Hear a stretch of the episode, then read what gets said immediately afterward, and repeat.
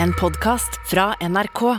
De nyeste episodene hører du først i appen NRK Radio.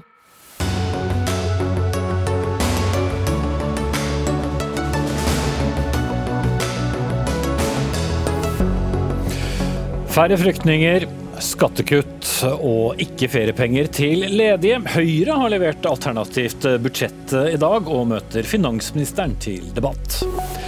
Regjeringen har helt urealistiske klimamål, mener Norsk Industri, som bare slår fast at vi ikke kommer til å nå klimamålene verken i 2030 eller 2050. Miljøpartiet De Grønne vil låne sparkesykkelteknologi til å bestemme hvor fort du får lov til å kjøre med bilen, og hvor du kan parkere den hen. Et overvåkningssamfunn, tordner Frp. Og forbrukere på sparebluss de trenger Black Friday i år, mener sosiolog og dosent. Vel, bare én dag med tilbud spiser opp 60% av Norges klimakutt i fjor, mener Framtiden i våre hender.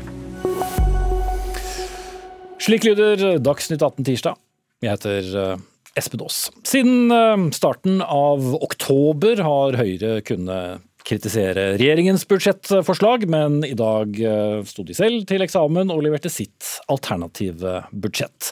Der de på den ene siden frir med økt barnetrygd, men samtidig også vil fjerne feriepengene for arbeidsledige og gjeninnføre det såkalte karensåret for de som står på arbeidsavklaringspenger og selvsagt litt mer skattelettelser enn regjeringen.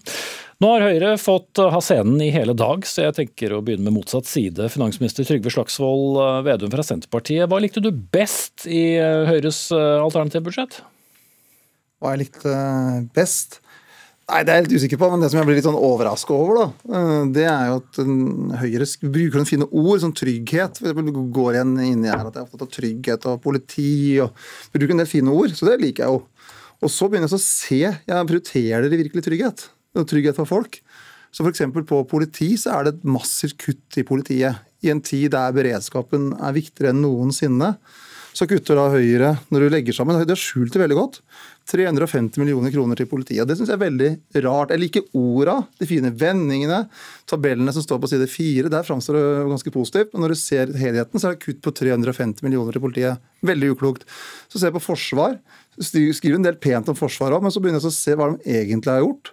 Jo, de har skjult et eh, kutt til eh, Forsvaret på Hvor mye var det det kuttet var på Forsvaret? 354 millioner, 354 millioner et kutt i Forsvaret ikke eh, synliggjør. Og så har det jo Du tar for mange detaljer her, så vi skremmer seerne våre. For noe av det som bekymrer folk nå, er jo tryggheten rundt hverdagsøkonomien. Og så har de litt skjult i materiellet at de øker avgiftene på mat med i overkant av 1 milliard kroner med at de innfører en ny avgift på melkekartonger. Jeg vet ikke hvorfor det er så viktig for Høyre å gjøre melk dyrere. Og det innfører en uh, ny avgift på produksjon av mat i Norge på over 1 milliard. Og I tillegg så øker man drivstoffavgiftene veldig. Og det rammer spesielt veldig mange næringsdrivende i Distrikts-Norge. Så når du leser teksten først, så framstår det ganske snilt, men f.eks. det å øke matavgiftene og drivstoffavgiftene så kraftig som det gjør dette budsjettet, samtidig som det kutter politi, det syns jeg er en rar prioritering. Ok, Henrik Asheim, nestleder og stortingsrepresentant eh, fra Høyre. Dette var jo et, en litt annen tid å legge frem et eh, alternativt budsjett enn da dere la frem deres eh, forrige forslag til, til budsjett. Mm. Men dere bruker ganske mye penger? Ja da, og det er jo en tid hvor det er behov for å kompensere f.eks. på strømregninga til folk. og Derfor så tar man inn store skatteinntekter fra kraftnæringen, men man betaler også ut igjen. Men vi strammer jo også til sammenlignet med det regjeringen foreslo, men mindre enn det man kanskje opprinnelig hadde planlagt. Rett og slett fordi de nye tallene for økonomien både i Europa og i Norge tyder på at dette kan bli verre enn man først hadde trodd. Men så dere er litt altså, enig med regjeringsbudsjett? Nei, Vi bruker altså to milliarder mindre oljekroner, men så omprioriterer vi veldig mye innenfor det budsjettet som er. Vi ruller tilbake de skatteøkningene som eh, Vedum har foreslått på arbeidsgiveravgift f.eks., hvor alle eh, ansatte over 750 000, der skal det legges på en ekstra arbeidsgiveravgift. Den tar vi bort.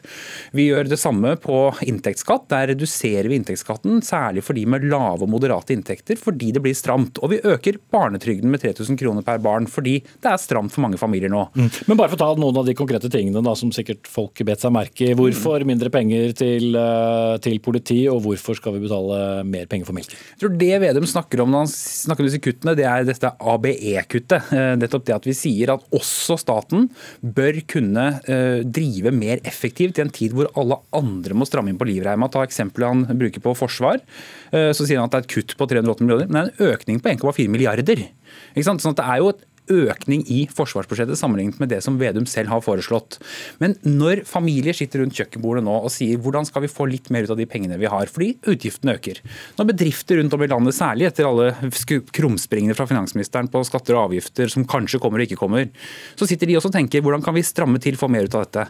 Så er spørsmålet, i en sånn tid bør ikke også staten se hvordan kan vi drive litt mer effektivt? Og Vi har hatt dette ABE-kuttet da vi styrte, og vi gjeninnfører det nå som vi eh, lager vårt eget alternative budsjett. Ja, men Det er så lett å si på, på overskrift. så Hvis man går da i kjernen av hva det kuttet er, så tar politiet, da, som er en veldig stor og tung beredskapsenhet, som er viktig for tryggheten for deg og meg rundt omkring i hele Norge. Mm -hmm. Så Med det Høyres budsjett her nå, med dems forslag, så er det 350 millioner kroner mindre til politi.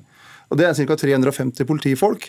Så det er, en, det er, et reelt kutt i politiet. Det er ikke så det er 350 millioner i en eller annen boks en eller annen plass i politiet. Det er reelle kutt som gjør at politiet får mindre å jobbe for. Og så er det det med oljepengebruk. For Høyre sier at de kutter oljepengebruken med 2 milliarder. Men går du inn i budsjettet, så øker de oljepengebruken. For de, lager sånne helt fiktive kutt som f.eks. at de skal ta et utbytte av Argentum på 1,4 milliarder kroner. Det har de spurt departementet om er mulig. De har fått svaret nei, det er ikke mulig. Det er en ren omplassering av penger. Det er en formuesomplassering. De sier at de skal ha en nedsalg av eiendommer i Bane Nor. Det er en fiktiv uh, reduksjon i oljepengebruk, for det er formuesomplassering. Det sier at for inntekter fra auksjoner i Sørlige Nordsjø Det er bare å finne på et tall på 1,1 milliarder. Så reelt har du ikke regna på dette? Sett, ja, men De har regna feil, og de har i hvert fall uh, juksa med tall. For reelt sett så øker dere oljepengebruken. Og det er på en måte realt nok å øke oljepengebruken. Men da må man tørre å stå for det, være skikkelig og argumentere for at det er klokt. For den måten dere gjør nå, det dere aldri gjort hadde dere vært i regjering. Dere bare pynter på budsjettet og later som dere bruker mindre oljepenger. Dette er veldig rart at det kommer fra finansministeren. Ja, men det er jo fordi at jeg har ansvaret for tryggheten rundt budsjettopplegget. Ja, og, den, og, den, måten dere lager her, men, men det er utrygt. Og det, de svarene dere har fått, er jo at f.eks. Argentum det kan dere ikke gjøre på den måten. men Dere velger å gjøre det fordi at det gjør det lettere for dere sjøl. Men det er uansvarlig, akkurat som det kuttet i politiet er Ja. Vi har helt riktig spurt om dette. Eh, og det som er sannheten, for vi har også hatt finansministeren, skjønner du, og vi sitter i regjering, det er at eh, det som ble svart på, det var hvor mye var det maksimale man kunne øke utbyttet med. Og da sa regjeringen det er umulig å slå fast nå. Men det som også er regelverket, er at du kan ta ut fra tidligere års overskudd. Og i fjor så hadde Argentum et overskudd på over 4 milliarder kroner. Og da tar vi ut noe av det for å bruke det nettopp på mange av de viktige satsingene som er. Når du snakker om øh, konsesjoner på havvind, vel vi har foreslått i Stortinget å legge dette ut. Det ble nedstemt, men hvis vi hadde styrt, så hadde vi gjort det. Og vi hadde solgt det til et moderat anslag ut fra prisene i Skottland. Alle disse inntektene er redegjort for skikkelig og ordentlig. For i motsetning til Senterpartiet, som har én økonomisk politikk i opposisjon og en annen i posisjon, så har vi den samme når vi er i opposisjon. Men, men det, altså, det er jo, Nå er det bare dere to som får diskutere dette budsjettet, men eh, du verden er mange som gjerne ville ha vært med. Og Fremskrittspartiet mener dere kommer med et uh, skattesjokk. Venstre lurer på hvorfor ikke dere gjør noe med uh, formuesskatten, og KrF syns det er rart at dere kutter så mye i bistand. Ville du fått flertall for dette budsjettet hvis du skulle lagt det frem eh, i regjering? Ja, så jeg tror Hvis vi hadde vært i regjering, så hadde vi jo enten sittet i regjering med alle de partiene du nå nevnte, eller forhandlet med dem. og Da hadde man funnet gode, funnet gode løsninger på det. Det er jeg helt sikker på. Men også er det også sånn i opposisjon at da vil jo alle markere sine primære standpunkt. Det er heller ikke så veldig rart. Men, men eh, når man nå får litt sånne ulike eh, krav og forventninger fra ulike partier, så er det iallfall verdt å minne om noen ting. Det ene er at vi har prioritert skattelette til næringslivet på nettopp arbeidsgiveravgift og på inntektsskatt. Vi har, altså, KrF sier at vi kutter i bistand. Det gjør vi ikke. Det går mer til bistand neste år enn det det gjør i år. I kronebeløp, men ikke i prosent, da, som ja, er den evige er det, regnemåten? Ja, som er det samme som regjeringen har gjort. og Det har vi vært enige med regjeringen i. At prosenten kan ikke være helt blindt sett på når BNP øker såpass mye. Og så er det klart at Frp kan godt mene at vi lager et skattesjokk, men det Frp og Høyre er enige om, det er at vi må få ned skattetrykket. Og det kommer vi til å bli enige om også. Det er jo veldig interessant, da, for at nå øker jo Høyre skatten med 36 eh, milliarder kroner, og de øker avgiftstrykket veldig kraftig. Altså Drivstoffavgiftene er noe av de som øker mest. Sammenlignet med eget budsjett, er ikke sammenlignet med deres budsjett? Ja, sammenlignet med vårt budsjett så øker da avgifter f.eks. på anleggsdiesel med 1 krone 45 øre per liter. På vanlig diesel med 87 øre per liter. På mat med ca. 1 milliard kroner. Så det er en veldig kraftig avgiftsøkning. Og når det gjelder da hopp og sprett, for når vi kom med vårt budsjett for en måned siden, så sa Høyre at det var et voldsomt uh, skattesjokk som kom. Men nå legger jo Høyre inn 36 milliarder i skatteøkning sjøl. I tillegg så legger den de kraftige avgiftsøkningene som dere gjør, som spesielt rammer mange små og mellomstore bedrifter. F.eks. norsk anleggsbransje, som nå har slitt med veldig høy prisvekst, rammes av den avgiftspolitikken dere gjør nå. Og så er det det som er litt sørgelig, er at Høyre også her må kutte i alle mulige gode distriktstiltak. F.eks. gratis ferje. Det syns Høyre er en feil prioritering. Jeg mener det er viktig at vi gjør nye tiltak for å utvikle Norge. Dere måtte ta litt tøffere kutt nå enn, uh, enn for et år siden? Dette krever absolutt prioriteringer også fra opposisjonen, og det har vi gjort. For vi er i stand til å gjøre det også i opposisjon. Men det er altså slik at når du nevner anleggsbransjen, vel, de slipper altså da økt arbeidsgiveravgift på alle over 750 000, og de får mer å gjøre fordi vi setter i gang flere nye eh, veiprosjekter. Og, og, nå skal dere mine herrer få lov til å overlate stolene til eh, kommentatorene. Henrik Asheim, nestleder og stortingsrepresentant fra Høyre, og finansminister Trygve Slagsvold Vedum fra Senterpartiet. For eh, ja, dette var litt overfladisk, i hvert fall Høyres løsninger i en krevende tid. En krevende tid der de selv har fløyet høyt på målingene på gjennomsnittet av målingene på nettstedet Poll Polls, har Høyre 31,1% Ap skårer 18,1 og Senterpartiet 5,4. Men politisk redaktør i VG, Hanne Skartveit, eh, hvis de hadde måttet sette ut en del av disse forslagene til praktisk politikk, hadde det da vært eh, like populært? For dette er et opposisjonsbudsjett, og det er alltid mye lettere og mye gøyere tror jeg, å lage et budsjett fra opposisjonen enn fra regjeringspartiet, som faktisk må ha inndekning for hver krone, og som må ta konsekvensen av hvert eneste valg de har tatt. Men det er også en del upopulære ting her i en del miljøer, som f.eks. at man gjeninnfører da dette karensåret hvis du går på arbeidsavklaringspenger. At du får ett år mindre å bli avklart på. Feriepenger til, til ledige, barnetillegg for, for uføre osv. Som, som fjernes. Mens eh, det er litt skattelettelser i andre enden. Absolutt. Sånn sett så er dette et klassisk høyre eh, budsjett som nettopp både legger vekt på, på si, arbeidslinja og da kutter i en del ting som eh, går rett inn i lommeboka på de som er svakestilte, folk som er arbeidsledige og andre, og skattelettelser. Samtidig som de jo legger inn en ganske god post på barnetrygd, som egentlig er SV og venstresida sin politikk, og som regjeringen ikke gjør på samme måte. Så her tar de på en måte litt fra begge sider og, og bygger seg en ganske fin sånn eh, overfor småbarnsfamilien plass som de tar fra Arbeiderpartiet, på en måte, som må stå i det upopulære og veld, få veldig mye kjeft for at de står fast. Hvis vi ser på de store linjene, Lars Nehru Sand, politisk kommentator her i NRK. Løser Høyre problemene veldig annerledes enn det regjeringen gjør, hvis vi ser på de store sakene som, eh, som strøm, inflasjon, fordeling?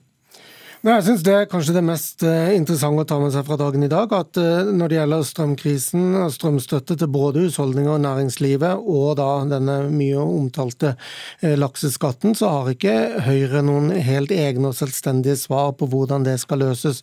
Denne strømstøtten til næringslivet, som Høyre jo var veldig opptatt av rundt sommerferien, der har Høyre ikke kommet opp med noen noe ny modell, men venter på, på, på at regjeringen skal levere på, på sin politikk, eller at den skal settes ut i livet. Så, så, de tingene som har kostet eh, regjeringen mest negativ omtale, der har ikke Høyre nødvendigvis eh, alternative løsninger og egne modeller.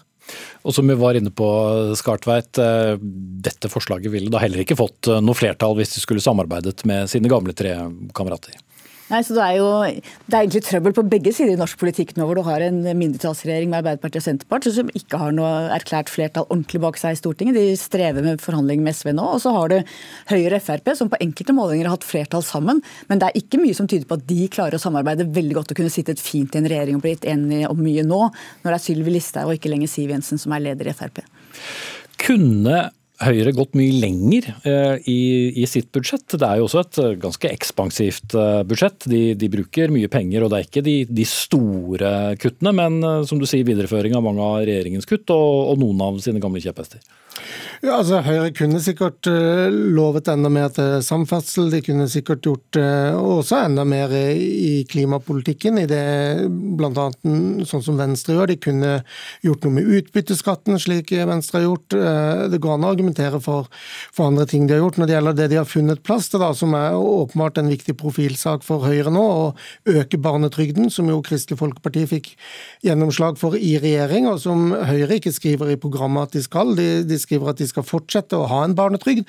Men det er åpenbart sånn at de SSB-tallene og andre ting som har kommet som viser at barnetrygd har noe å si for barnefattigdommen, at det er noe som, som Høyre nå da ønsker å, ønsker å, gjøre. og Vi ser også Hadia Tajik i, i VG i dag inne på, på, tanken om nettopp det samme. Tajik vil jo også gjøre det til en ikke helt universell løsning ved at de rikeste må skatte av den, noe som Venstre er inne i sitt alternative budsjettforslag. Mange lurer jo sikkert på hvorfor er vi opptatt av alternative budsjett. Vi er ikke opptatt av alle like mange, men vi har sett mye på SVs alternative budsjett, for de skal samarbeide med regjeringen. Men har et alternativt budsjett fra Høyre egentlig så mye verdi, Skartvedt? Det er klart det.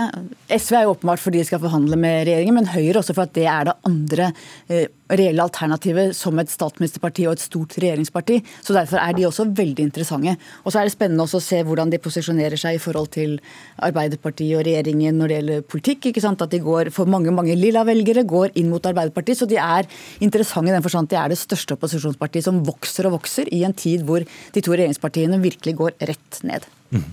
Og det er jo noen eh, klassiske saker her som vi for så vidt rakk å være innom. Ikke gratis eh, ferger, eh, særlig da på Vestlandet. Melkeavgift. Så noen åpenbare skiller mellom regjering og Høyre er det helt klart.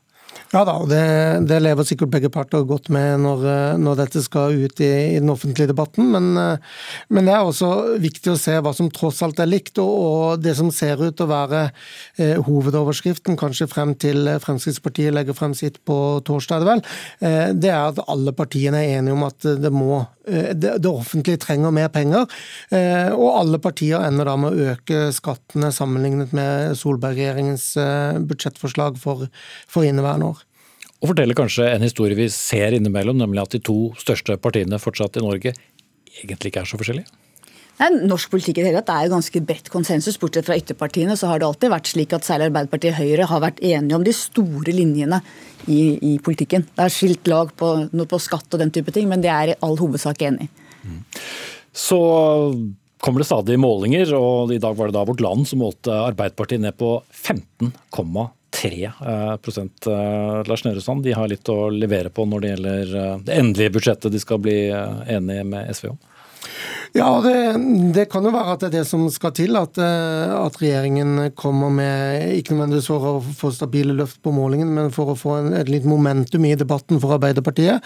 Eh, at det leveres enda mer på kanskje særlig fordelingspolitikken eh, i det budsjettforslaget som Nei, det budsjettet som, som da ser ut, eller vil få flertall til slutt. Men jeg tror SV går inn i dette først og fremst med tanke på seg selv og, og sine politiske gjennomslag, ikke å skulle sminke regjeringens eh, inntrykk i offentligheten. Mm. De, ja. Og Der er Arbeiderpartiets problem at når de gir noe til SV i disse sosiale reformene, så er det SV som får kreditten og ikke Arbeiderpartiet, for Arbeiderpartiet har sagt nei til det. Så det vi ser nå med Arbeiderpartiet er et parti i krise hvor alt de tar i, blir til gråstein. Mm. En kong Midas i revers der altså. Hanne Skartveit, politisk redaktør i VG, og Lars Nehru Sand, politisk kommentator i NRK.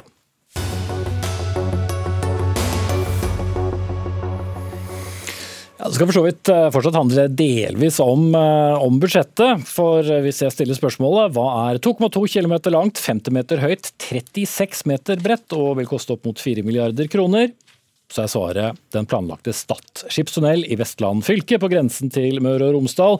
For øvrig den første i sitt slag. En um, sjøvei som betyr at skip på størrelse med kystruten og Hurtigruten kan få en sikker seilas forbi det utfordrende Stadlandet.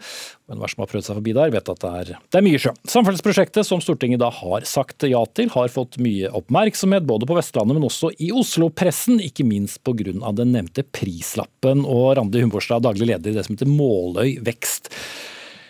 At noen kaller dette for pengesløseri har du reagert uh, veldig på. Men i den tiden vi er i nå, hvorfor er dette riktig bruk av så mange milliarder? Jeg opplever jo at hovedstadspressen ikke har tatt inn over seg at Norge lever av havet. Eh, og den store verdiskapningen som skjer på kysten vår, eh, ikke minst på Vestlandet og i Møre og Romsdal. Sjømatnæringen er jo Norges nest største eksportnæring, og næringen er spådd en formidabel vekst i fremtiden. Og en stor andel av Norges eksport fra både sjømatnæringen og maritim industri kommer fra Nordvestlandet. Og et land som lever av havet må investere i sjøveien langs kysten. Og Stad skipstunnel vil jo gjøre sjøtransporten tryggere, mer effektiv og mer miljøvennlig. For nærskipsfarten så vil Stad skipstunnel bety reduserte ventetider, mindre forsinkelser og skade på lasten. Laksen blir jo sjøsyk. Når den ferdes over Stadhavet, så blir den, kvaliteten på den blir mye dårligere. Så da er eh, et sted mellom 3 og 4 milliarder en god investering i disse tider? Ja, jeg mener også at Stad skipstunnel er viktig fordi det vil legge til rette for at mer gods kan fraktes sjøveien. Spesielt sjømatnæringen kan jo kutte store utslipp av klimagasser ved å flytte transport fra vei til sjø. Og sjøtransport har ikke vært prioritert i Norge. I den gjeldende nasjonal transportplan så skal det brukes 97% på vei og bane, og kun 3% skal brukes på sjøtransport. Mm. Da vi går til Oslo-pressen, da. Gunnar Stavrum, sjefredaktør i Nettavisen. Har jo, dere, dere, har jo kalt dette prosjektet for håpløst. Er du fortsatt enig etter grundig forklaring fra, fra din motdebattant? Jeg syns at det prosjektet er uh, ren galskap. Det har vært galskap siden ideen ble omfanget for 150 år siden. Det har vært utredet i 30 år. Det er lagd titalls samfunnsøkonomiske analyser, og alle bortsett fra de lokale Eh, kjøpte analysene viser at det er dundrende ulønnsomt. Eh, selv Stortinget legger til grunn, og Kystverket legger til grunn at det koster 4,1 milliarder kroner med, eh, med, moms. Og 90 øre av hver krone som investeres, minst er tap. Så dette er ren galskap. Vi kaster penger ut av vinduet. Samfunnsøkonomiske analyser er ingen eksakt vitenskap, og de har store mangler når det gjelder å prissette nytteverdiene. Eh, vi har aldri bygget en skipstunnel før, og de samfunnsøkonomiske analysene er tilpasset veiprosjekter. Så du sier at alle tar feil? Jeg sier at disse analysene er ufullstendige. De har ikke sett på viktige nytteeffekter av tunnelen som trygghet og sikkerhet. Et forlis på Stadhavet vil jo koste enorme summer. Verdien av overført trafikk fra vei til sjø, verdiøkning i fiskerinæringen eh, og næringseffekter som resultat av bedre kommunikasjon. Det at vi får en utvidet bo- og arbeidsmarkedsregion på vestlandskysten vår. Men har dere satt dere så godt inn i disse tingene som de har lokalt? Altså, for det første så er jeg født i Kristiansund, oppvokst i Bergen, så jeg har tatt Hurtigruta opp og ned mellom Bergen og Kristiansund hver jul og hver sommer i ti år. Jeg har vært forbi Stadlandet en haug med ganger, så jeg vet hva jeg snakker om geografisk. Og ikke blitt grønn i fjeset? jo da, sjøsøker har blitt. Og har, jeg har også lest disse samfunnsøkonomiske analysene. og Det som er morsomt, og som i og for seg er en gjenganger med dette prosjektet og andre dårlige samfunnsøkonomiske prosjekter, det er at når du går tom for rasjonelle argumenter, så kommer det irrasjonelle argumenter. For å få dette til å bli litt mer lønnsomt, så begynte vi å snakke om komfort. Vi begynte plutselig å snakke om turisme og verdikjedebidrag. Mens de normale tingene som handler på får du flytta gods f.eks. over fra, fra, bil til båt, der, der, sier det i Stortingets utredning at nei, de har ikke noe tro på endring av, av godstransportmiddelvalg. Så jeg får ikke dette prosjektet til å bli i nærheten av samfunnsøkonomisk lønnsomt, og mener at det er en haug med andre ting vi bør bruke pengene på i Norge enn akkurat dette. Senke tunnel under regjeringskvartalet, som også har en høy eh, prislapp. Nei, men jeg tror at folk som opplever at rentene er høye, at eh, de får høyere skatter og avgifter, at de eh, får dyr mat at strømmen er dyr. Jeg tror, jeg tror, ikke du trenger så mye fantasi for å se at disse pengene kunne vært brukt mye mer og mye bedre enn å bruke 4,1 milliarder kroner på en skipstunnel som ikke er nærheten av å være lønnsom. Og som kanskje først er lønnsomt da mange mange, mange år? Det som er litt spesielt, det er at kysten er veldig samlet om å bygge Stad skipstunnel. Alle næringsorganisasjoner på kysten, NHO, LO, Norges Fiskarlag, sjømatorganisasjonene, oppdrettsnæringen, Vestland fylke, Møre og Romsdal fylke har alle prioritert Stad skipstunnel. Tar alle de feil, Gunnar? Poenget er at ingen av de betaler. De, de bare sender regninga til skattebetalerne. Klart da de får. Hele Nord-Norge for å bygge en jernbane opp dit til 150 milliarder kroner også som også er galskap. Sånn at Det som mangler, det som er på en måte rollen til oss i media, det er at vi må faktisk peke på ting som er som er økonomisk dårlig fundert, og peker på sterke lobbyister, som du her representerer, da, kystlobbyistene som vil ha denne, denne tunnelen. Det blir ikke noe mer fornuft i den grunn. Skal få slippe å gjenta dine argumenter en gang til. Randi Umbersa, daglig leder Måle Vekst, og redaktør i Nettavisen, Gunnar Stavrum.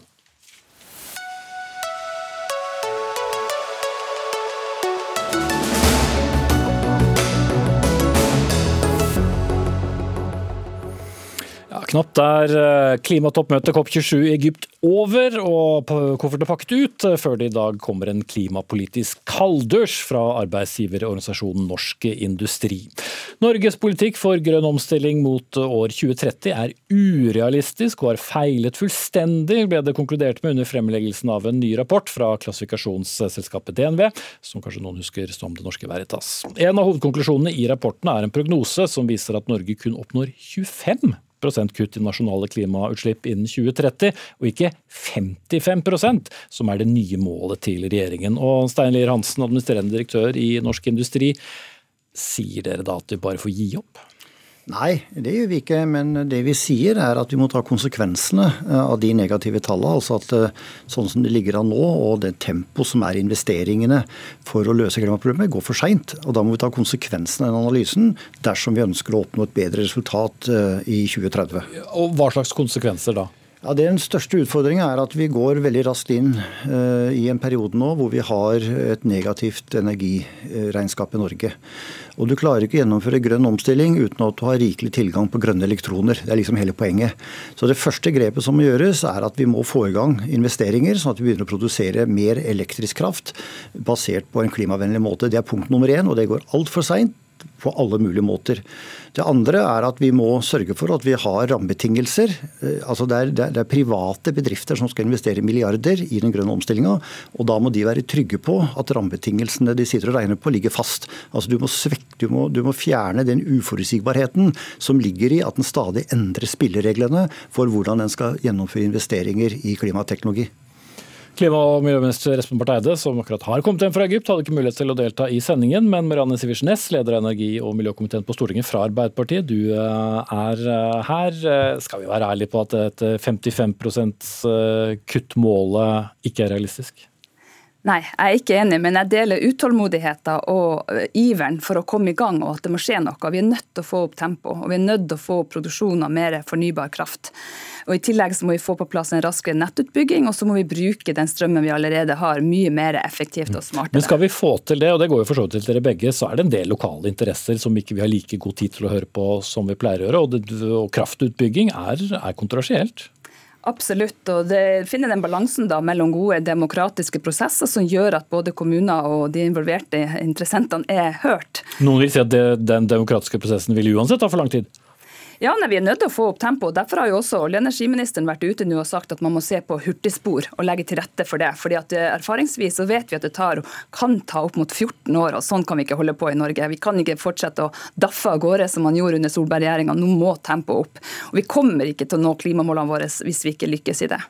Selv om 2030 høres veldig lenge ut, så er det sju år til Steinlier Hansen. Selv om kommuner og lokale interesser ikke fikk lov til å si noe som helst, hadde vel knapt rukket å få bygget ut uh, med den skalaen du snakker om? Nei, altså det, det, er problemet. Altså problemet er at det er så kort tid til 2030. Vi har kommet for seint i gang. Det har vi advart mot. Allerede i 2007 var mye å legge fram en rapport til daværende regjering om behovet for å satse på havvind.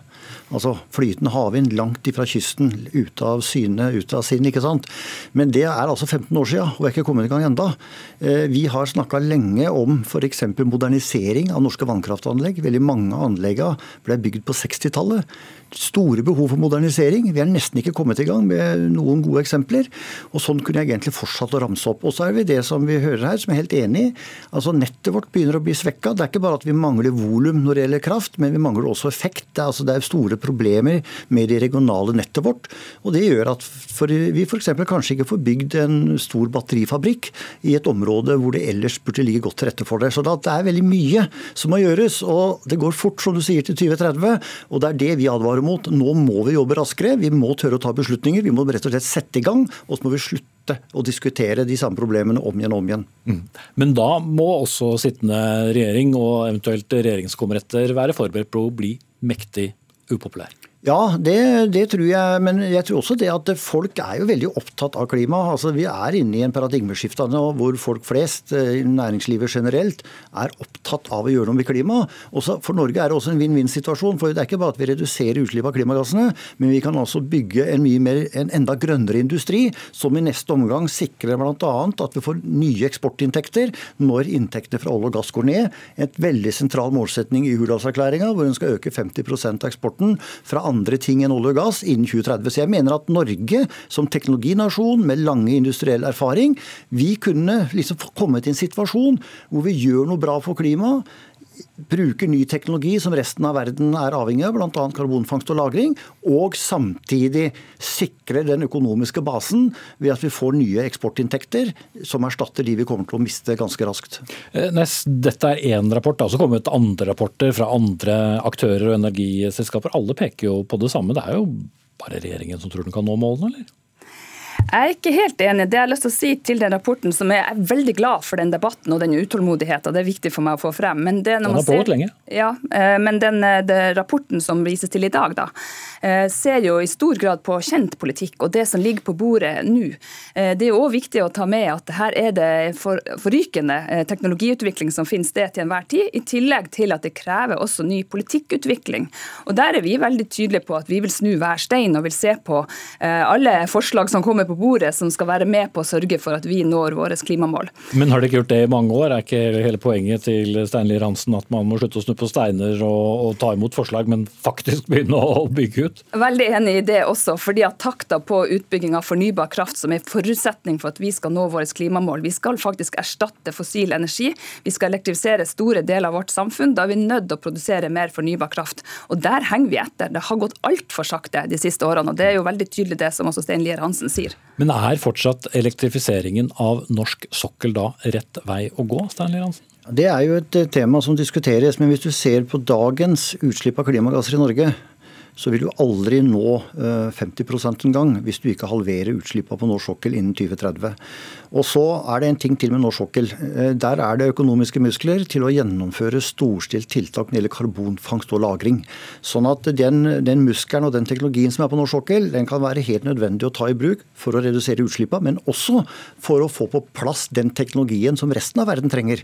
Jeg kan ta et veldig kort eksempel. Altså Hvis vi begynner å dekarbonisere naturgassen vår og begynner å selge hydrogen til EU istedenfor naturgass, så er det en av de viktigste tingene vi kan gjøre for at europeisk stålindustri f.eks. kan nå sine klimamål. Så vi må liksom, De tiltakene vi gjør, de, de, de, har mange positive effekter. Men de henger jo sammen. og Hvis de du skal bruke sammen. veldig mye elektrisk kraft på å elektrifisere sokkelen, så får du et underskudd på land. Ja, og Derfor så må vi gjøre det parallelt med at vi begynner å produsere massivt med flytende havvind, sånn at sokkelen kan være selvforsynt når vi kommer i gang på Utsira nord, Trollvind etc. etc. Sju år i dette studio, som så mange er opptatt av å snakke om åtte, men nå er det altså sju, til 2030. Stein Lier Hansen, administrerende direktør i eh, Norsk Industri, og Marianne Sivertsen leder av Energi- og miljøkomiteen fra Arbeiderpartiet på Stortinget.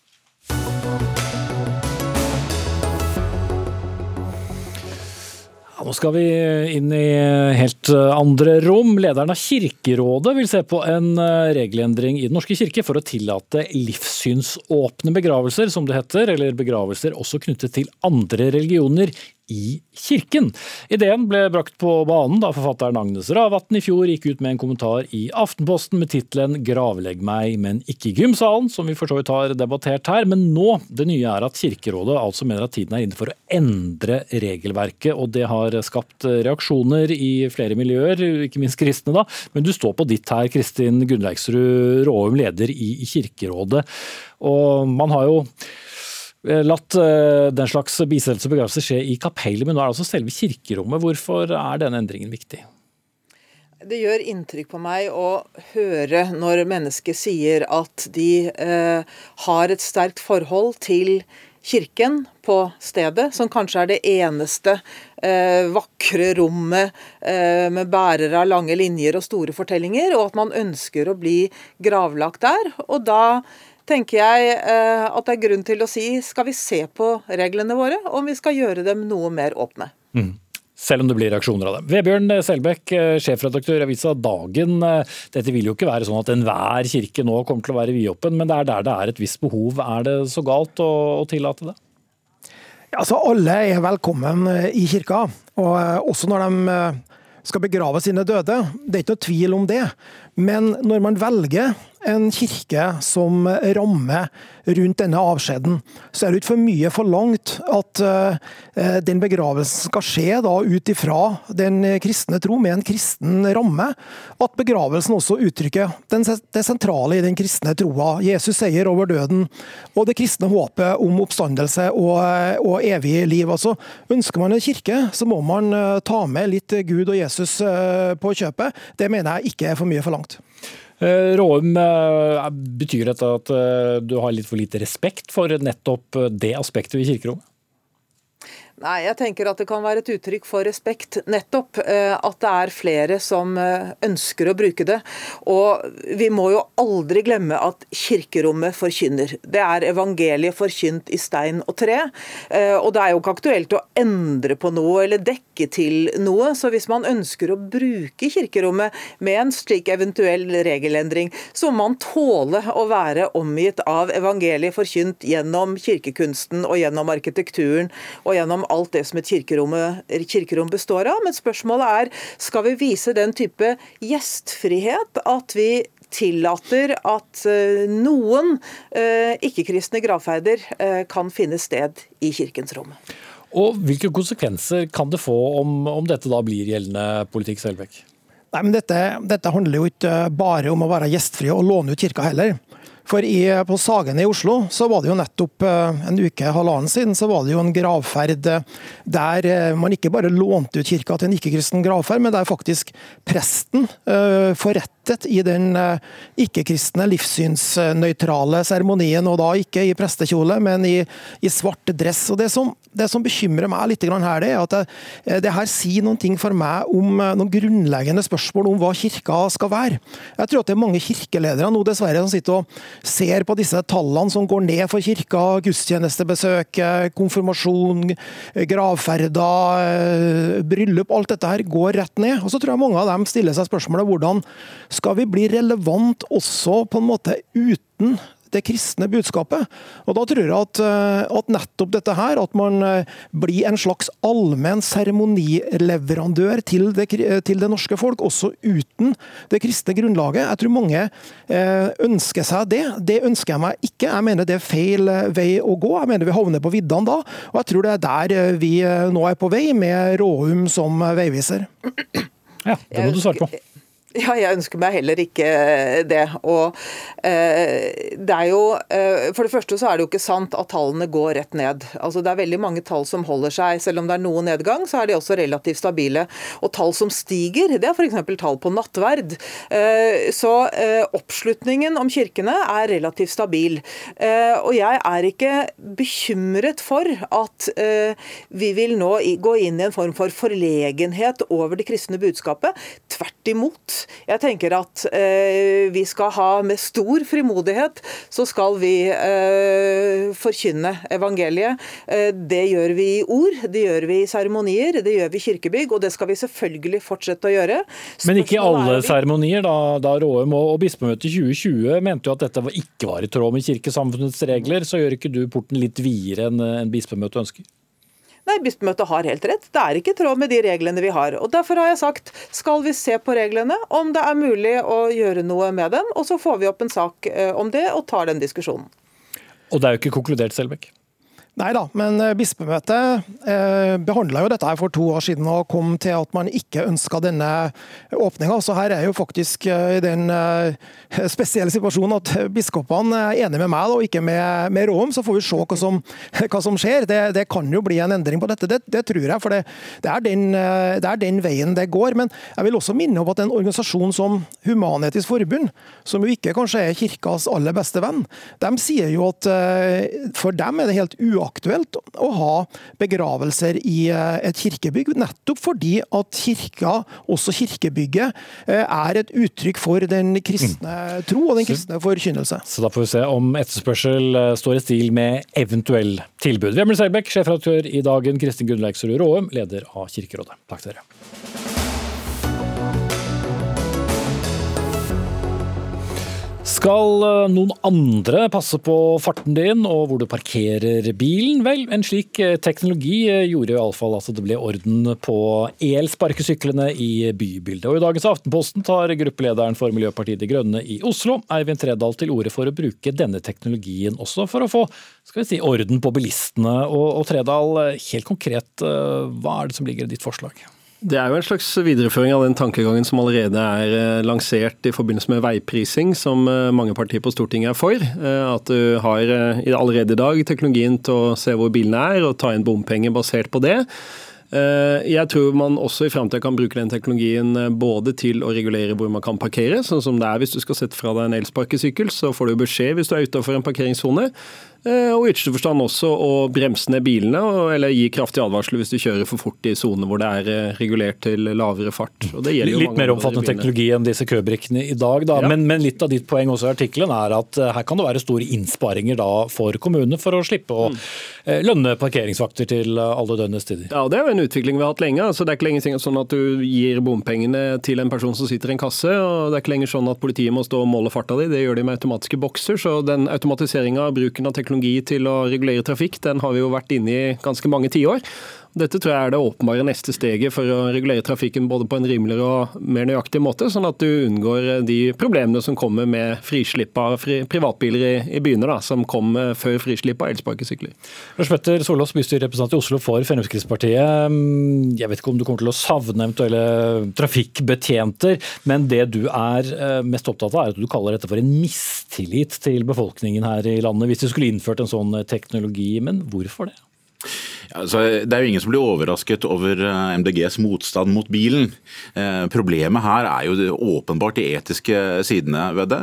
Eh, det MDG tar til orde for her, er jo en masseovervåkning av innbyggerne på et nivå som ja, Du må til kommunist-Kina for å se noe lignende.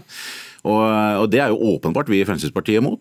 Men Er det noe rarere enn at du har med deg din smarttelefon i bilen, så er det uendelig mye data du gir fra deg enten du vil eller ikke? Eh, man kan velge selv om man vil ha med seg den telefonen. Eh, og man kan, også, og man kan også eh, velge bort apper og, dele informasjon osv. Det er veldig langt derfra til at myndighetene skal kunne overvåke deg 24 timer i døgnet og ta deg på, på hvor du står hen, hvor du er hen, hvor fort du kjørte osv. Det, det, det utgangspunktet til MDG her er jo at du er kriminell med en gang du setter deg inn i bilen, og at du da må overvåkes. Og Det er en utvikling som er skremmende. Altså, fordelen her er jo at du faktisk ikke trenger å drive overvåkning, og det er jo heldigvis heller ikke lov. Altså, man jo, er jo underlagt de samme reglene for eh, personvern som all annen teknologi vi bruker i hverdagen, om man skal bruke den teknologien i biler. På elsparkesyklene er det f.eks. sånn at mange av de moderne syklene nå har kartet nedlasta til selve sykkelen, og kan sjøl registrere at den er parkert på riktig plass, eller om den kjører i den hastigheten den skal. Så dette er fullt mulig å gjøre uten at man får en overvåkning, for det er jeg helt enig med Lars Peter Solås her i at man ikke ønsker seg. Eh, men jeg tror vi må anerkjenne at det å bekjempe overvåkning når vi alle går med en smarttelefon hver dag, det skjer ikke gjennom at man eh, prøver å fjerne den GPS-teknologien og sporingsteknologien som finnes overalt rundt oss. Det må skje gjennom lovgivning som vi heldigvis allerede har, for å sørge for at folks data blir tryggere. Men, men det er en annen forskjell her, da, og det er at disse sparkesyklene tilhører jo da et selskap. Og selv om jeg vet at du er veldig glad i bildeling og sånn, så eier jo de fleste nordmenn sine egne biler. Og da er det jo vår private eiendom som de får et innblikk i, snarere enn eh, sparkesykler eid av et knippeselskap. Vi er jo også underlagt alle de samme reglene, uansett om eh, det håndheves med GPS eller med en eh, trafikkonstabel. Så det er klart friheten til å bryte reglene, den vil vi jo strengt tatt aldri ha. Og den er det jo heller ikke nødvendigvis sånn at vi ønsker at folk skal ha. Det er veldig viktig å sørge for at folk holder f.eks. fartsgrensa inne i en by hvor det har et enormt skadepotensial dersom du skulle treffe en fotgjenger eller kjøre forbi en barneskole. Så i den grad vi kan øke overholdelsen av regelverket innenfor selvfølgelig personvernregler og uten at noens privatliv blir brutt, så tror jeg det er en veldig veldig fornuftig mm. utvikling, og det tror jeg også er fullt teknologisk. Og Solås, har du en noenlunde ny bil, så klarer den å lese alle trafikkskilt. Den bremser hvis noe kommer eh, foran, og i veldig mange norske byer skal du parkere, så må du likevel ha en app på telefonen som forteller akkurat hvor du er, og hvor du kan parkere og ikke. Så er spranget så stort. Eh, det utløsende her er jo at teknologien er der til å hjelpe oss, sånn som eh, programleder da eh, poengterer. Det, den etiske utfordringen her, som vi peker på, er jo den overvåkningen og den mistilliten som MDG har til alle som setter seg Men, men det var det vel ved bompengebrikkene på 90-tallet også? Eh, dette her er jo på et helt helt annet nivå. Eh, man kan, eh, man kan fortsatt kjøre bil uten bompengebrikke. Og, det, og den, det, valget må man ha. Mm. Men, men, men, det, men, det, er også et viktig poeng her. Så det, det som Trædal peker på med elsparkesyklene, det er jo de kommersielt, de, de kommersielt utleiesyklene. Har man en privat elsparkesykkel, så er selvfølgelig ikke den GPS-overvåket. Og det er det heller ingen som har tatt til, til orde for. Nei. Men dette er teknologi som ikke er så langt unna og er snakket om i andre sammenhenger, ikke minst om veiprising, som du vel var innom, Tredal. Tredal. Askild Halse, forskningsleder for samfunnsøkonomisk analyse, Transportøkonomisk eh, institutt. Eh, ja, er det en god idé? I hvert fall en gjennomførbar idé? Uh, ja, nei, jeg syns det her er spennende tanker. Vi som jobber med det her, ser jo at det her er Utviklinga går jo i den retninga at man får teknologi i bilene som, som både kan erstatte at ikke, vi, ikke føreren trenger å, å gjøre like mye sjøl, men også at det erstatter da Eh, dyre installasjoner eh, på veien. Eh, så, så, det går jo i den retninga. Det vil nok ta en del tid når det gjelder biler, nettopp som, som, du er inne på, at folk har jo sin egen private bil, sånn at, og de har jo gjerne lang, lang levetid. sånn at uh, en del av den teknologien vil nok først komme i, i, de nye bilene, og så vil det jo da gradvis gradvis fases inn. Alternativet er jo at man etterinstallerer. Da. Og det kan man jo gjøre hvis man mener at nytten er stor nok, sånn som med med veiprising, da, som det er snakk om nå, som det kommer en utredning om mm. veldig snart også. Eh, så, som handler da om, bare for å forklare det da, som handler om å erstatte rett og slett eh, tradisjonelle bompengene med at de leser av hvor vi kjører, hva slags veier vi kjører på, og så regner ut hva du skal betale. og derfra, når du har det i din private eller leide bil, og til det Tredal snakker om med sparkesyklene, er vel ikke et enormt sprang? Ja, altså For veiprising så trenger du egentlig ikke så veldig mye. Det er ikke sikkert du trenger en ny dings engang. Du kan hende at du bare kan bruke en app på, på, telefonen. Mens hvis du skal kunne overstyre folk sine valg, så trenger du jo en, en helt annen type teknologi. da. Uh, Solås? Ja, altså det, Den teknologiske utviklingen den er til mye hjelp, men eh, det kan også misbrukes. Det er jo bare å se til Kommunist-Kina. Eh, og jeg, jeg, tror at det er sånn her i dette tilfellet. at det, Mens vi andre ser på, på Kina mens vi andre ser på Kina og grøsser, så har Eivind Trædal sett på Kina og tenkt eh, gode ideer. Teknologien er til stede, så det er ikke det debatten handler om. Dette er de etiske konsekvensene av en sånn masseovervåkning som vi må, må diskutere. Og det er ikke til det beste for verken fotgjengere eller bilister i Oslo. Jeg er jo veldig glad for at vi bor i eh, en verdensdel og et land hvor det er ulovlig å drive masseovervåkning med den type teknologi, og hvor det er veldig strenge retningslinjer for hvordan informasjonen brukes. Så jeg tror det er en fundamental misforståelse å tro at dette handler om å innføre masseovervåkning. Eh, men jeg tror også vi må anerkjenne at eh, denne teknologien er på vei, og måten vi håndterer den på er veldig viktig. Jeg tror det kan gi veldig store gevinster. og Det er interessant å se at Fremskrittspartiet har vært et av de partiene som har vært mest positive til innføring av selvkjørende biler. Da har du i tilfelle ingen kontroll over bilen mens den kjører av seg sjøl. Så da forstår ikke jeg helt hvordan man kan være begeistra for biler der hvor føreren ikke har noe kontroll, men da veldig motstridstander av at denne teknologien brukes til å overholde trafikkregler f.eks. eller fart og sånne ting. Mm. Men eh, hvordan skulle dette være sikkert? Altså, det handler jo om lagring eh, av data, det handler om, eh, om lesing av data, og, og hvor mye inngripen du skal kunne ha. Altså Man kan regulere farten på en sparkesykkel, men hvis man skal kunne regulere farten på en bil, så er det jo et stykke til? Da. Ja, altså Hvis det er snakk om at man overstyrer, så er det jo egentlig ikke så mye informasjon man trenger å samle inn. Da handler det jo mer om eh, som Tredal er inne på, altså at man, eh, man, på forhånd programmerer inn hva som, eh, hva som er lov. da. Når det, når det, gjelder å samle inn informasjon, altså med veiprising f.eks., som, er, som det som det har vært mest snakk om, så så har man jo konkludert med det at man trenger ikke å samle inn data om eh, hvor og når folk kjører. Man trenger jo bare at bilen eller appen eller hva det er, samler den informasjonen, og så sender man fra seg informasjon til myndighetene om hva man skal betale. Så, så Datatilsynet har vel sånn lunkent sagt at det her kan, eh, kan la seg gjøre. Og da er det ikke så langt unna Solås? Ja, altså, det handler selvfølgelig igjen om masseovervåkning. og jeg vil jo poengtere det at Dette, er, dette føyer seg inn i rekken av denne type forslag som kommer fra MDG. For eh, Eivind Trædal har jo vært med på i programmet for programforslaget for Oslo MDG også et forslag som å sette opp kameraer på Jeg kan lese opp det. På vei til et annet forslag, og det pleier vi å slå hardt ned på. Sette opp kameraer på alle gater i Oslo og overvåke det. Så det er jo det, det, er det de er ute etter. Dessverre. Men, men det er noe helt annet. Men altså, ut fra hvor der jeg bor eh, i denne byen, og antall gule lapper jeg ser på bilene hver eneste morgen, måtte ha tapt enorme inntekter hvis alle skulle begynne å parkere ja, altså, riktig. Det er jo veldig fint hvis man taper inntekter som kommer fra at folk parkerer i veien for andre. Det er jo et stort problem eh, i, i byen. og jeg tror også Når du ser på hvor mye penger vi bruker på ombygge gater, sette opp pullerter, steiner, alt mulig annet for å sørge for at bilene ikke er der de ikke skal være, så er det nok ganske mye penger å spare for samfunnet. og Dypest sett så tror jeg de fleste av oss er opptatt av å komme oss fra A til B, og hvis det i framtida skjer på en måte som er enda tryggere, uten at man dermed blir masseovervåka, så tror jeg det er en uh, veldig god bruk av ny teknologi. Brave New World, kanskje. Eivind Tredal, gruppeleder i Oslo bystyre fra MDG, Lars Petter Solås fra Oslo Frp og Askild Halse fra Transportøkonomisk institutt. Da er denne debatten parkert.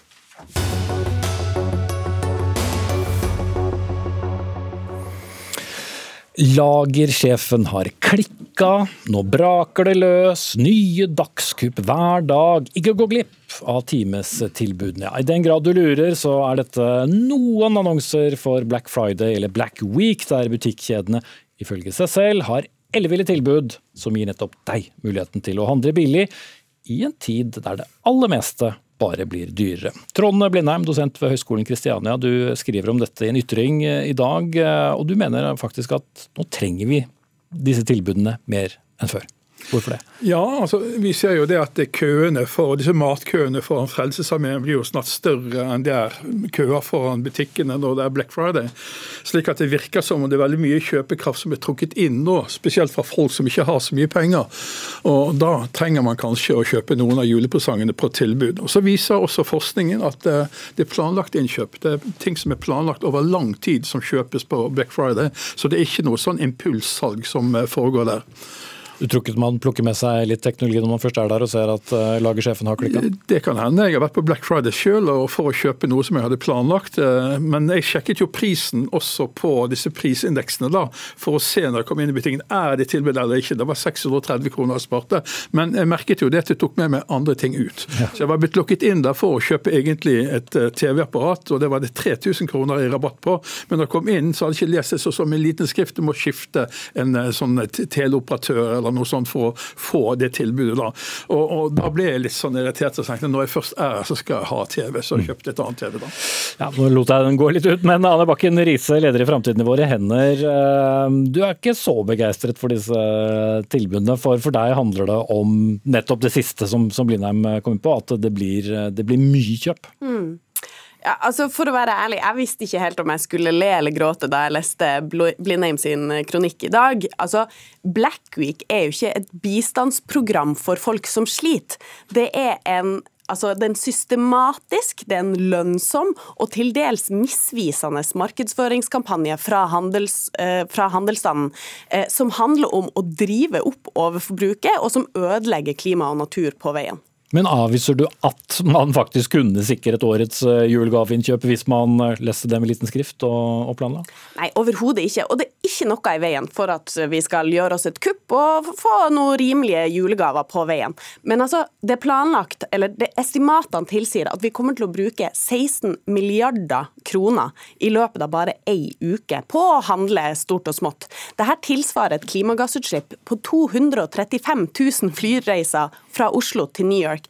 Eller for å si det på en litt annen måte, nesten 70 av hele utslippskuttet som Norge gjorde i fjor. Vi snakker om en gigantisk eh, klimabombe. Eh, så, så på en måte å, å, snakke om det som fordi Blindheim skriver bl.a. i kronikken sin at nå kan klimaaktivistene bare slappe helt av. Da har du ikke helt skjønt hvilken miljøbelastning det her faktisk kommer med. Ja. Altså, Man må alltid spissformulere seg for å få noe på trykk også i nrk.no. Så det er noen sånne spissformuleringer, bl.a. noen karakteristikker av folk som er motstander av blant bl.a. Black Friday. Men vi må huske på at det som står i avisen av annonser og sånt, det er ikke objektiv produktinformasjon. Det har det aldri vært. Det er subjektiv kjøpspåvirkning, og det kommer det alltid til å være. Det går ca. 23 milliarder kroner nå til reklame altså i løpet av ett år. Da, og Noe av dette brukes da i forbindelse med Black Friday. Og så er det vel sånn at retten til å markedsføre seg må likestilles med den retten du har til å la være å benytte deg av tilbudene. Altså Det er jo dette handel lever av. De lever av å kjøpe varer billig og selge de dyrt. Men, men hvis du tar tak i argumentet til Riise, nettopp at det, det, blir en kjøpefest i løpet av, av, denne uken, og det ryker ut uh, milliarder, ja, det, og gir det, det avtrykket det gir? Dansk forskning har jo vist da at det som har skjedd, det er at veldig mye av det salget og den omsetningen som ligger på julehandel, nå er flyttet over på Black Week i, i Danmark. Slik at det jevner seg ut. Det blir mindre trykk i butikkene i desember. og litt mer trøkk i butikkene i slutten av eh, november. Men ikke godt nok krise? Nei, overhodet ikke. Og, og, jeg syns jo at Blindheim hopper bukk over ja, flere ting. Men det ene er jo altså FNs klimapanel. De sier at skal vi, eh, skal vi gjøre det vi, eh, vi, trenger, vi skal komme i null innen 2050, vi skal halvere verdens utslipp innen 2030, så, så trenger vi å ta tak i overforbruket. Og vi snakker om et mulig klimakutt på rundt 40-70% av verdens utslipp hvis vi innretter mer av politikken mot forbruk. Sånn at, og på en måte late som at det, det ikke har noe særlig effekt. Det er grovt. Og det andre er at vi snakker her altså Jeg mener at måten du ordlegger deg om hvem det faktisk er som handler på Black Week og Black Friday, det framstår som om det er dem som har minst, at det er dem som handler mest. Og at det liksom er sånn at vi må tillate shoppinggale folk uten inntekt. Okay, vi, vi har jo, jo, men, jo, men det er veldig viktig, fordi at det, det stemmer ikke overens med virkeligheten. Eh, forskning fra SIFO viser at mer enn én en av tre nordmenn drar og handler på denne dagen. sånn at og, og, når vi ser på fordelinga av klimagassutslipp ja, men vi, vi, vi, vi tar poenget. Line skal få, få svar på den, så skal vi tegne en, en vaskeekte forsker her. Det er veldig høyt forbruk, og det er skrudd opp og det må ned hvis vi skal nå disse klimamålene til FN. Det tror jeg nesten alle er enig i. Og så er det, så, Hvordan gjør vi det? Hvis vi ser på det norske forbruket, så ligger vi på topp i Europa. Også i fjor lå vi på topp i Europa. Så det er kun ett land som eh, har høyere forbruk enn en gjennomsnittlig norsk husstand, og det er Luxembourg. Norge bruker altså 26 eller vi har 26 høyere forbruk enn gjennomsnitt i Europa. Så det er helt åpenbart at det må ned. Men det, det å på en måte rette skyts mot Black Week, altså når vi vet at det eneste de gjør, det er at de flytter veldig mye av omsetningen som skjer i desember, over på november, og det er, det er alt som skjer. Alexander Schjell, du har sittet uh, og hørt på dette, forskningsleder på, på SIFO da ved Oslo Met. Dere har gjort forbruksstudier på, på Black eh, Friday. Blir det en annerledes Black Friday i i dette året? Ja, Det tror vi nok. Dette er første gang i nedgangstider. Det blir Black Friday. Og på den tiden så kan man jo tro at folk er ute etter å spare mer penger. Men samtidig er det nok slik at Black Friday er nok et tilbudsdrevet fenomen. Det er, altså, det er butikkene som driver dette her, ikke etterspørrerne. De vil pushe ut varer. Det trenger de i år. Detaljhandelen har slitt. Og nå må de få ut varene sine før det kommer nye varer. Det er nå de skal tjene penger. Ja, Men det er store lagre, og de skal ut, uh, som du sier. Vil det da være forskjell på uh, om du uh, sitter nederst eller øverst ved bordet når det gjelder å benytte seg av denne uken? Nei, i en studie vi gjorde, Arne Dulsrud og jeg, i 2018 viste ikke det. Det er ikke slik at det er de rike eller de fattige som gjør dette her. Det er stort sett alle mennesker, men klar overvekt av kvinner og unge. Og hovedsakelig barnefamilier. Slik at det er en gjennomsnitt av eh, norsk befolkning. Mm. Men hva tror du kommer til da bli den største forskjellen i et nedgangsår som, som 2022? For vi har jo knapt hatt et nedgangsår nå på ja, godt over en generasjon. Vel, For å lokke folk til butikkene så tror jeg nok man må ha ekstra gode tilbud. da. Eh, være ekstra ivrige på å kuttet. Det er jo slik at Folk har kanskje ikke vent seg til de høye prisene på disse typer varene, fordi man ikke kjøper dem som ofte. Så når det først skal få til et salg, så må det være gode tilbud. Mm. Det som jeg tror er viktig for folk å ha med seg Vi er som sagt ikke imot at man skal planlegge hva det er julegaver eller noe man trenger til seg sjøl, og, og, få det for en god pris. Men det uh, vi har sett gjentatte år, er at veldig mange kjeder de, uh, kan skru ned prisen like før Black Week eller Black Friday. Uh, unnskyld, de skrur opp prisen sånn at når de skrur den litt ned i løpet av Black Week, så framstår det som et bedre tilbud enn det faktisk er. Og nå Nylig så kom prisjakt med noen tall som viser at i snitt så er prisen bare redusert med rundt 12 mens folk flest tror de får et, et kupp med 50% Så pass på å ikke bli lurt. Mm. Akkurat det med at de skrur opp prisen før Black Friday, det kan være en seiglivet myte. Jeg har aldri sett det dokumentert gjennom forskning, men jeg har hørt historier om det. Men det bør belegges med empiri hvis vi skal tro men, men, men prisjakten i hvert fall velger ut noen produkter, eh, pekte jo ja, de på nettopp det. ut noen produkter, og gjerne produkter som folk planlegger å kjøpe. Så ser vi nå at det er veldig mange som eh, bortplasserer disse forbrukerdrømmene sine nettopp fordi at de har problemer med å få de økonomiske endene til å møtes. Du vil ha ordet til slutt selv? Ja, eh, Forbrukertilsynet har faktisk opprettet sitt eget task force-rom nettopp for å følge med på dette her. Så jeg tror nok kjeden er nok klar over at de virkelig blir sett i kortene og er redd for å gå i baret. Mm. Vi får eh, se konsekvensen av at lagersjefen har klikka når denne uken her er eh, over, i hvert fall. Takk til Anna Bakken Riise, leder i Framtiden i våre hender, Trond Blindheim, dosent ved Høgskolen Kristiania, og Alexander Schøil, forskningsleder ved SIFO ved Oslo MET. Vi har eh, samme flotte tilbud på Dagsnytt eh, hele uken. Vi, ansvarlig for dagens sending, Anne Katrine Førli. Vegard Erstad var teknisk ansvarlig. Jeg heter Espen Aas, og i morgen kommer Sigrid Solund og gir deg ny Dagsnytt 18-sending. Eh, Takk for i dag.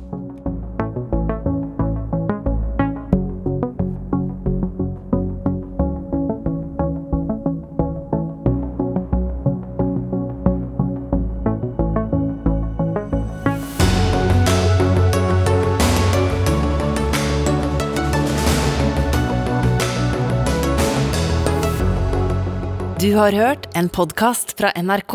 De nyeste episodene hører du først i appen NRK Radio.